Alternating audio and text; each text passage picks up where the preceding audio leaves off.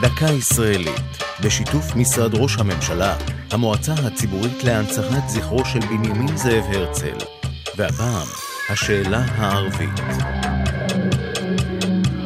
במאמציו להשגת בית לאומי לעם היהודי, נפגש בנימין זאב הרצל עם שועי עולם, בהם שר המושבות הבריטי, קיסר גרמניה, האפיפיור וסולטן האימפריה העות'מאנית.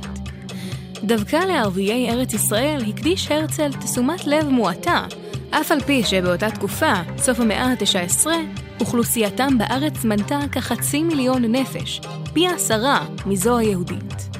ב-1895 כתב הרצל ביומנו פסקה, לפיה הוא מתכנן את העברת האוכלוסייה הילידית אל מחוץ לגבולות המדינה היהודית לכשתקום, מבלי שישימו לב, כדבריו.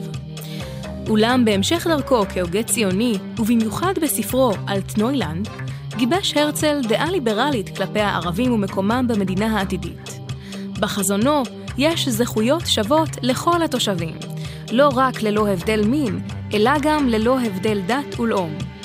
בספר מופיעה גם דמותו של מהנדס ערבי בשם רשיד ביי, אשר מהלל את הרווחה הכלכלית והחברתית שהביא השלטון היהודי לארץ, שבה הערבים אזרחים שווי זכויות.